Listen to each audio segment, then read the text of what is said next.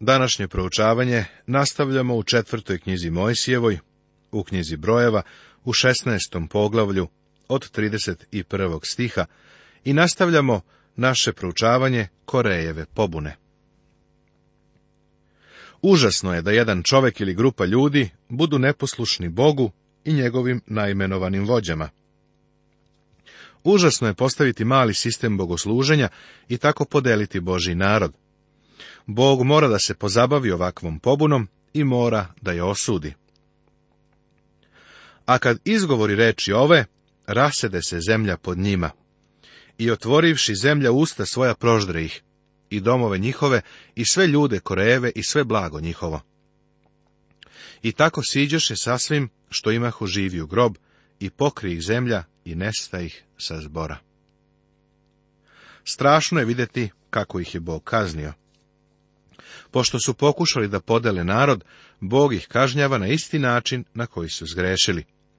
On sada deli narod tako što ih odvaja od Koreja i njegove grupe, a zatim deli zemlju i zatvara je nad njima. Poslanica Galatima u šestom poglavlju kaže, ne varajte se, Bog se ne da ismejavati, jer što čovek seje, ono će i žnjeti. Bog osuđuje na isti način na koji čovek greši.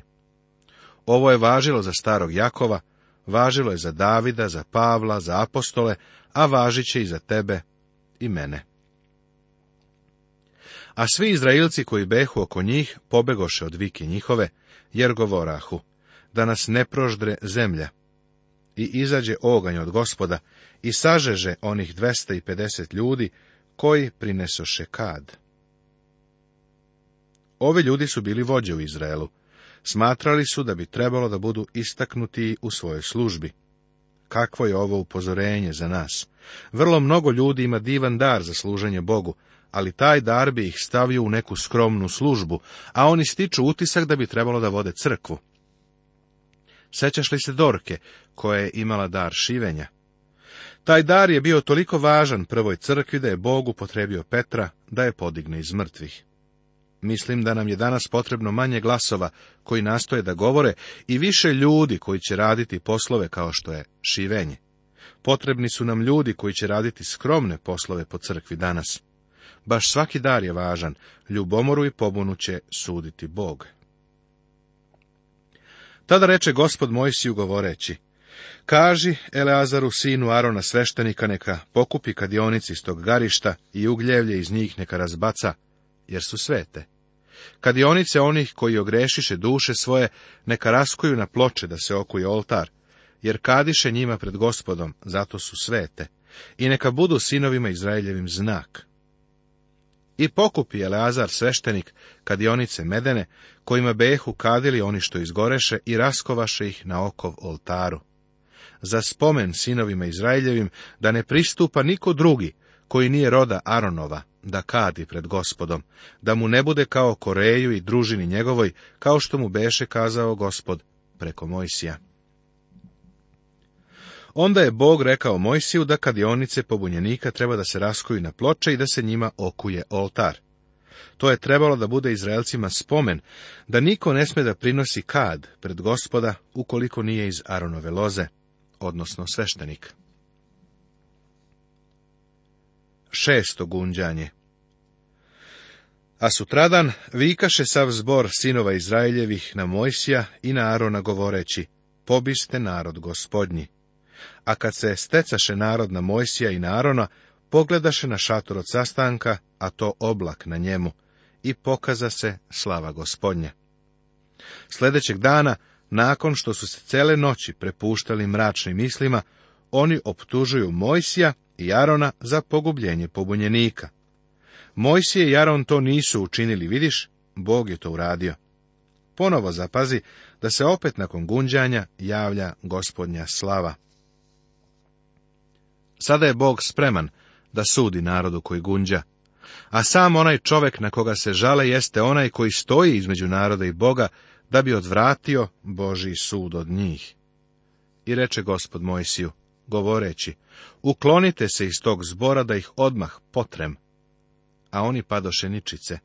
I reče Mojsi Aronu, uzmi kadionicu i metni u nju ognja s oltara i metni kada, idi brže ka zboru i očisti ih, jer gnev žestok izađe od gospoda i pomor poče.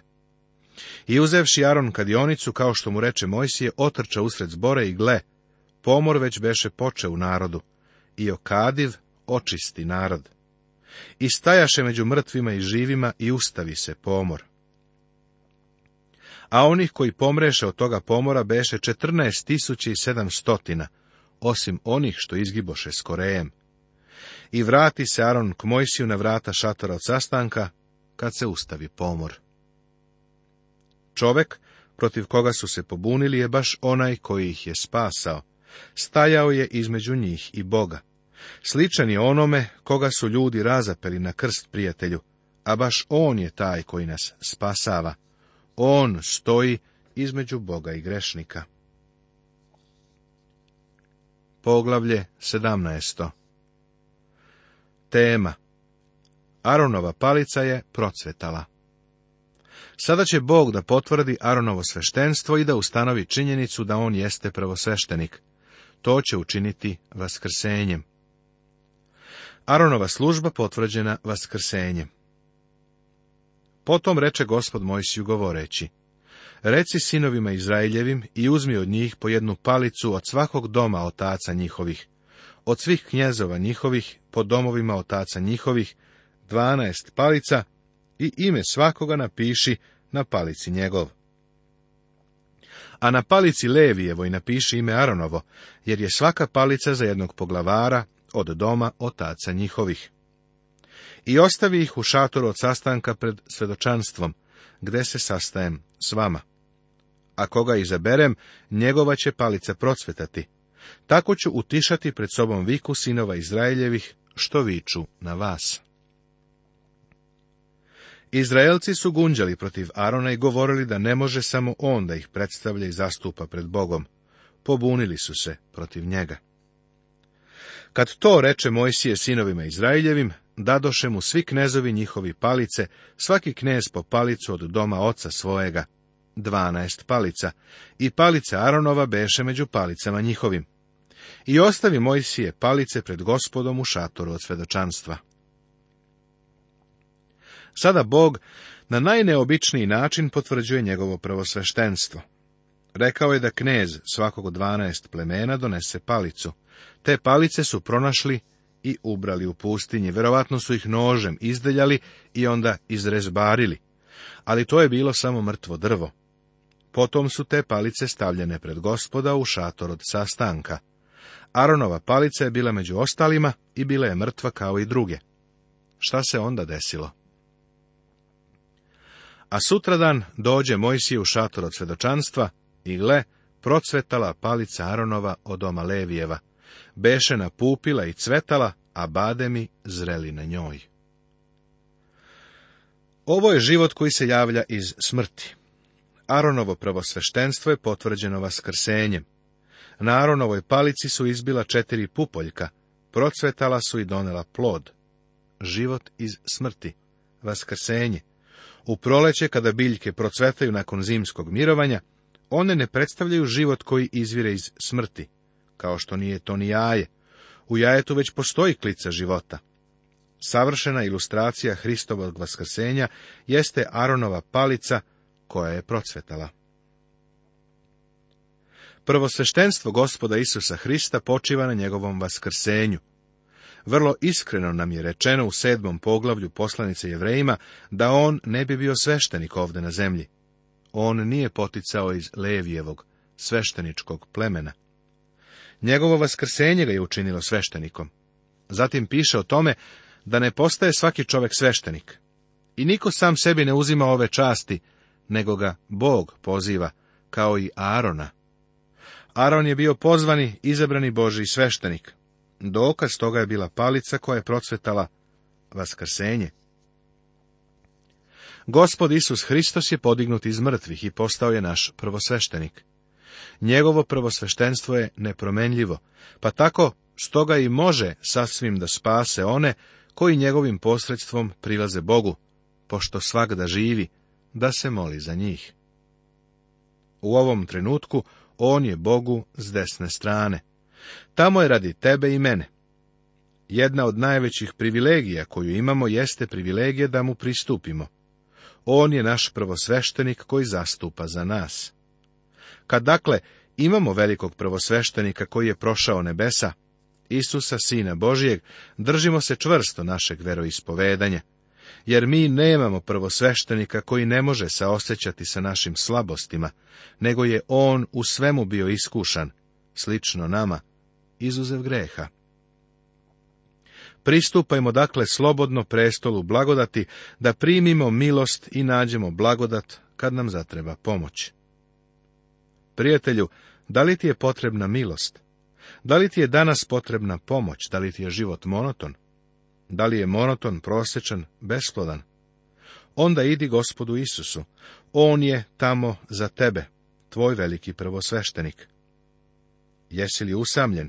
Idi k njemu. Da li je tvoj život bitka koju gubiš? Jesi li poražen? Idi k njemu. Da li je život borba protiv iskušenja koja ne možeš da prevaziđeš? Idi k njemu. Da li je život grozna greška, a tebi je potrebna mudrost na raskrsnici gdje treba da doneseš odluku? Idi kod njega. Je li tvoj život danas uvijen tugom? Idi njemu. On je naš veliki prvosveštenik kroz vaskrsenje iz mrtvih. Živ je. Tamo je danas radi tebe. I iznese Mojsije sve one palice ispred gospoda, ka svim sinovima Izraeljevim, i razgledavši ih, uzeše svaki svoju palicu. A gospod reče Mojsiju, donesi opet palicu Aronovu pred svedočanstvo, da se čuva za znak nepokornima, da prestane vika njihova name, da ne izginu. Aronova palica koja je donela pupoljke, a onda procvetala i rodila bademe, treba da se čuva kao svedočanstvo i uspomena. Ova palica je bila jedna od tri stvari koje su se čuvale u kovčegu zaveta. Sa zlatnom kadionicom i kovčegom zaveta, obloženim svuda zlatom, u kom beše zlatan sud sa manom i Aranov štab koji je procvetao i zavetne ploče. Zavetne ploče na kojima je napisano deset zapovesti posuda sa manom i procvetala palica su se čuvali u kovčegu zaveta, u šatur od sastanka. Ova palica je zauvek rešila pitanje Aronovog prvosveštenstva. Poglavlje 18. Tema Potvrđivanje sveštenstva Videli smo kako su se Korej i 250 izraelskih knezova pobunili protiv ustanovljenog autoriteta Mojsija i Arona. Bog je osudio Koreja i njegove sledbenike vrlo ozbiljnom kaznom, jer je ova pobuna faktički bila protiv Boga. Zatim, po logoru je bilo posljedica i narod je gunđao. Smatrali su da je ovaj sud bio surov. Nakon svega, ovo su bili istaknuti ljudi, vođe u Izraelu. Pošto ovaj saosećajni narod nije duhovno razmišljao i rasuđivao, krivicu je pronašao u Mojsiju. Naravno, Mojsije je za njihovu smrt bio kriv, isto onoliko koliko Simon Petar za smrt Ananije i Safire. Mišljenja sam da je Mojsije bio prilično iznenađen onim što se desilo. Zatim je na narod zbog unđanja naišao pomor. Aron je stao između mrtvih i živih i u to vreme je postao njihov zastupnik. Zatim je Bog posvjedočio Aronovo sveštenstvo vaskrsenjem. Učinio je da Aronova palica napupila, procvetala i donela plod. Sada Bog nalazi za shodno da potvrdi sveštenstvo. Aronu i Levitima potvrđena pozicija i odgovornost. A gospod reče Aronu, ti i sinovi tvoji i dom oca tvojega sa tobom nosite grehe o svetinju. Ti i sinovi tvoji s tobom nosite grehe sveštenstva svojega. Bog govori levitima da su odgovorni za ono što se dešava. Treba da se setimo da je Korej bio levit. Pobuna je izbila unutar levijevog plemena, bila je vrlo ozbiljna. Bog im govori da su oni odgovorni. Prijatelju, ti i ja smo danas odgovorni za naše hrišćansko svedočanstvo, za naše porodice i našu crkvu. Mnogi ljudi danas vole da se pretvaraju i zauzimaju neki lažno pobožni stav. Zapale svoj oreol, a onda svi sine gledaju na crkvu i govore kako crkva ide u otpadništvo. Ovo jeste istina, crkva ide ka otpadništvu. Ali isto tako je istina da kada je u crkvi greh, onda ti i ja u tome imamo izvesnu odgovornost. Ne možemo izbeći odgovornost za greh u sobstvenom životu, za greh u porodici i u našoj crkvi. Vidiš, to Bog govori Aronu. Aron nije mogao da posmatra šta se dešava među levitima i da zauzme lažno pobožni, licemerni stav. Aron nije mogao da se uzdiže na osnovu toga što će isticati da ga je Bog izabrao da je on onaj koga je Bog odredio za prvosveštenika. Boži čovek treba da hoda i živi u smernosti. Boži čovek ima odgovornost. I braću svoju, pleme Levijevo, pleme oca svojega uzmi k sebi da budu uzate i služeti, a ti ćeš i sinovi tvoji s tobom služiti pred šatorom od sastanka. Neka dobro slušaju zapovesti tvoje i rade što treba u svem šatoru ali k sudovima od svetinje koltaru neka ne pristupaju, da ne izginu i oni i vi. Bog im vrlo jasno pokazuje da su Aron i njegovi sinovi zaduženi za svetinju, za sudove u svetinji i za oltar. Zatim Bog ide u detalje u vezi sa delovima žrtava koje pripadaju sveštenicima. Njih je trebalo podržavati delovima žrtava koji su im pripadali, a sveštenicima je davana i celokupne prinose što se podižu od posvećenih stvari. Ti prinosi nisu prinošeni kao žrtve paljenice, nego su davani sveštenicima. Sve prinose što se podižu od posvećenih stvari, što prinose sinovi Izraeljevi gospodu, dajem tebi i sinovima tvojim i kćerima tvojim s tobom zakonom večnim to će biti zavet osoljen, večan pred gospodom tebi i semenu tvojemu s tobom. U to vreme savez je ovako bio zapečaćen.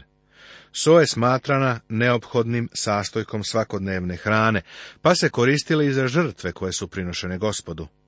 Osoljeni savez je postao savez ili zavet trajno obavezan.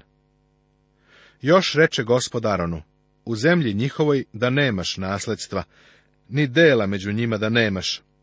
Ja sam deo tvoj i tvoje nasledstvo među sinovima Izraeljevim. Aron i ostali leviti nisu dobili deo zemlje. Nisu imali farme koje bi držali, ni vinograde za čuvanje, niti maslinjake za koje bi brinuli. Sam Bog je bio njihovo nasledstvo. Da li bih ovo mogao da saopštim jednostavnim današnjim izrazima? Ljudi u crkvi trebalo bi da plaćaju svoga propovednika. Treba da plaćaš onoga ko ti donosi duhovnu hranu. Čovek koji vreme provodi radeći to, ne može da radi na farmi, u polju ili kancelariji. Tragično je vidjeti da mnogi koji su među najboljim Božim ljudima moraju raditi i svetovni posao da bi preživeli. Služba trpi, crkva trpi. Bog je levitima obezbedio izdržavanje, pa očekuje i da crkva obezbedi svoga pastira. Shvatam da postoje problemi u čekanju na gospoda, da on obezbedi ono što je potrebno, ali to je istovremeno i nešto divno. Ja sam u službi mnogo, mnogo godina, pa iako je bilo teškog vremena u kojem se naša vera iskušavala, istovremeno je bilo divno naći se u tom položaju. Želim da posvedočim o tome kako je Bog dobar. Bio je silno dobar ovom sirotom propovedniku. To je ono što je David u 16. psalmu rekao, Gospod je moj deo nasledstva i čaše, ti podižeš dostojanje moje. Divno je imati gospoda za nasledstvo, imati ga kao onoga koji ti plaća i divno je tražiti ga za svaku potrebu. To je divan položaj u kom se možeš naći. Gospod je u takav položaj stavio levite. Oni su živeli verom. A sinovima Levijevim, evo dajem u nasledstvo sve desetke od Izraela za službu njihovu što služe u šatoru od sastanka. A sinovi Izraeljevi neka više ne pristupaju k šatoru od sastanka, da se ne ogreše i ne izginu. Nego sami Leviti neka služe službu u šator od sastanka i oni neka nose greh svoj zakonom večnim, od kolena do kolena, pa da nemaju nasledstva među sinovima Izraeljevim. Trebalo je da služe u šator od sastanka, a desetak koji je Izrael davao, služio je za njihovo izdržavanje. To je značilo da Izraelci moraju živjeti po veri. Vrlo često se javlja pitanje da li propovednici, misionari i stalno zaposleni u crkvi treba da daju u crkvu. Uviđam da mnogi danas misle da to ne treba da čine. Želeo bih nešto da kažem s tim u vezi. Ovdje se bavimo pravilima i uredbama Mojsijevog zakona. Iako ti i ja ne živimo pod tim zakonom, verujem da on pruža velike principe po kojima treba da živimo. Oni su putogas koji nam pomaže u ovim neizvesnim područjima. Reci levitima i kaži im, kad uzmete od sinova Izraeljevih deseta koji vam dadoh od njih za nasledstvo vaše, onda prinesite od njega prinos što se podiže gospodu deseto od desetog. Bog je Levitima rekao da treba da daju deseti deo od onoga što prime. Želim da kažem da mislim da jedan hrišćanski radnik, kogoda je u pitanju, treba da daje za gospodnje delo. Smatram da treba da da svojoj crkvi, a kroz svoju crkvu i programu. Ja sam uvek davao misijama i uvek sam svoje zaposlene podsticao da daju. Kod nas je uvek posuda za priloge išla od propovedaonice, da bismo i mi u davanju dali primer zajednici nastavit će se.